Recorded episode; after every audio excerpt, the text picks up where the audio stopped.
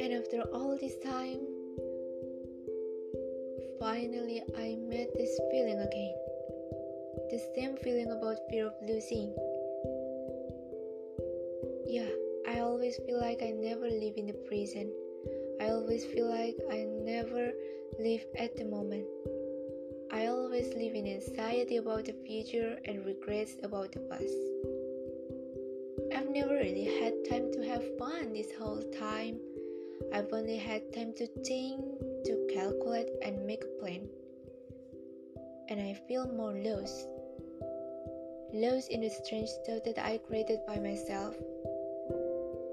I often don't believe in myself, doubt my abilities, and I often ask myself, will everything be okay?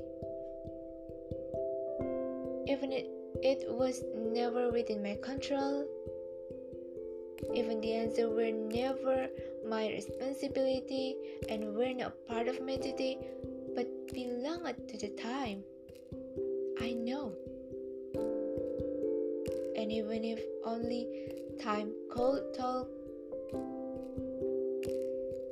if only time could answer all my thoughts, questions, and worries, it will not make everything better than before. And that's impossible, I know. I often forget that I live in the world as an ordinary human being who is not only pursuing something that is valuable in the eyes of humans, but also on worship. I'm often afraid to speak up to the world. I keep everything to myself and get used to it until the habit often hurt me so good. I don't talk about what is in my heart.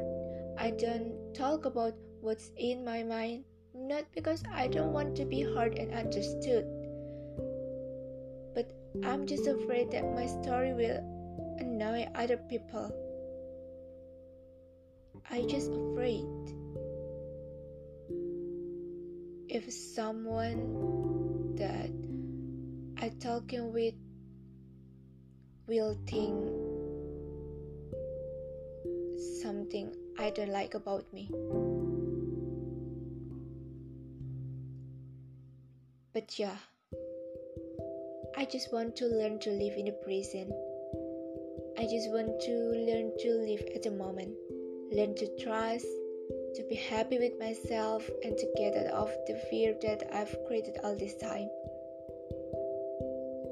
Actually, sometimes I just want to talk with someone, get an ice cream, and then sit down to share our thoughts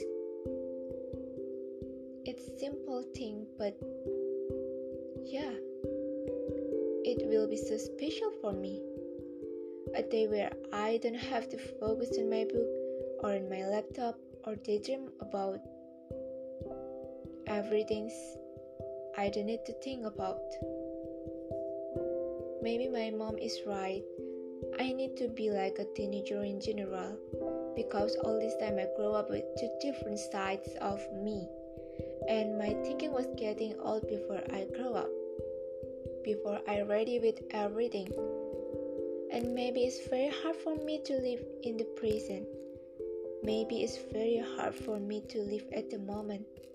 Very hard for me to forget the past or stop thinking about what tomorrow will bring.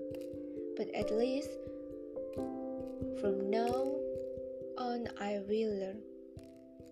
From now on, I will try. Even I don't know how, even I know it's not easy, even I don't know whose hand I can hold, but I'll try. And this is what I promise to myself. I will try and learn to accept this day and live it wholeheartedly.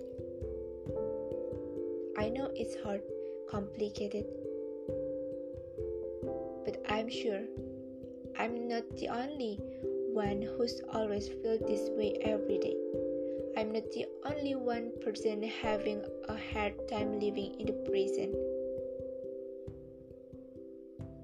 But one thing I want to say, one thing I want to say to everyone who have the same feeling with me.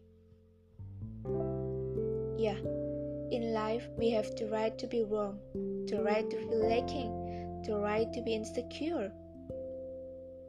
But remember, we also have the right to live in the moment.